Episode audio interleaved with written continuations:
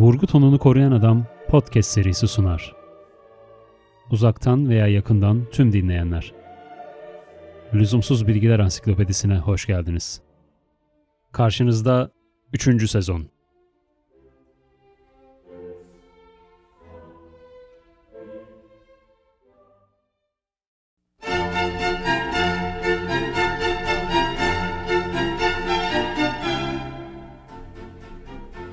Jetlag yemek, jetlag olmak. Bu tabirleri duymuşsunuzdur. Peki jetlag nedir? Biz insanların vücutlarının uyuma, vücut ısısı, üreme zamanı gibi periyodik fonksiyonlarını kontrol eden biyolojik bir iç saati vardır. Bu iç saatlerin çoğu kendi fonksiyonları için kendi zaman dilimlerinde çalışır ancak ışık ve sıcaklık gibi dış etkenlerden de etkilenir. Eğer İstanbul'dan New York'a uçarsanız sizin vücut saatiniz hala İstanbul'a ayarlıdır. Örneğin İstanbul'dan saat 12'de havalanır, 8 saatlik bir uçuştan sonra New York'a varırsanız vücut saatiniz 20'dedir ama New York saat 13'ü yaşamaktadır. Vücudunuzun saati ortama göre 7 saat ileridedir.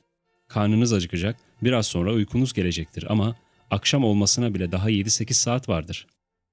İşte olayın özeti budur ve buna jet lag denir. Lag'ın İngilizce'de anlamı geri kalma, gecikme demektir. Bilgisayar oyuncuları bu kavramı çok iyi bilir. Bu durumda uçuştan sonra insanda yorgunluk duyulmakta, özellikle okuma, araba kullanma ve iş görüşmeleri gibi konularda motivasyon ve konsantrasyon eksikliği görülmektedir. Dünya dönüşünü 24 saatte tamamladığından dünya yüzeyi kuzeyden güneye her biri 1 saatlik 24 zaman bölgesine bölünmüştür. Örneğin İstanbul'la New York arasında 7 zaman bölgesi vardır ve aynı anda İstanbul'da saat 14 iken New York'ta saat sabah 7'dir.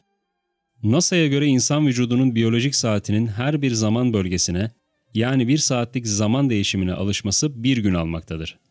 Bu durumda İstanbul'dan New York'a gidince vücut kendini ancak 7 gün sonra adapte edebilmektedir.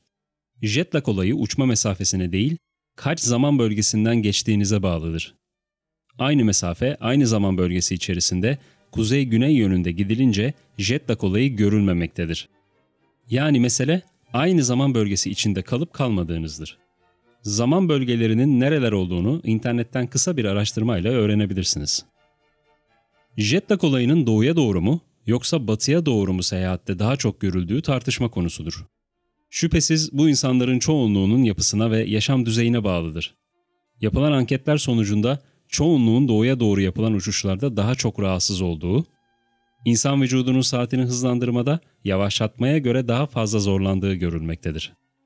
Küçük çocukların pek etkilenmediği jet lag olayından en çok etkilenenler, günlük yaşantısı düzenli olanlar ve rutin işler yaparak yaşayanlardır.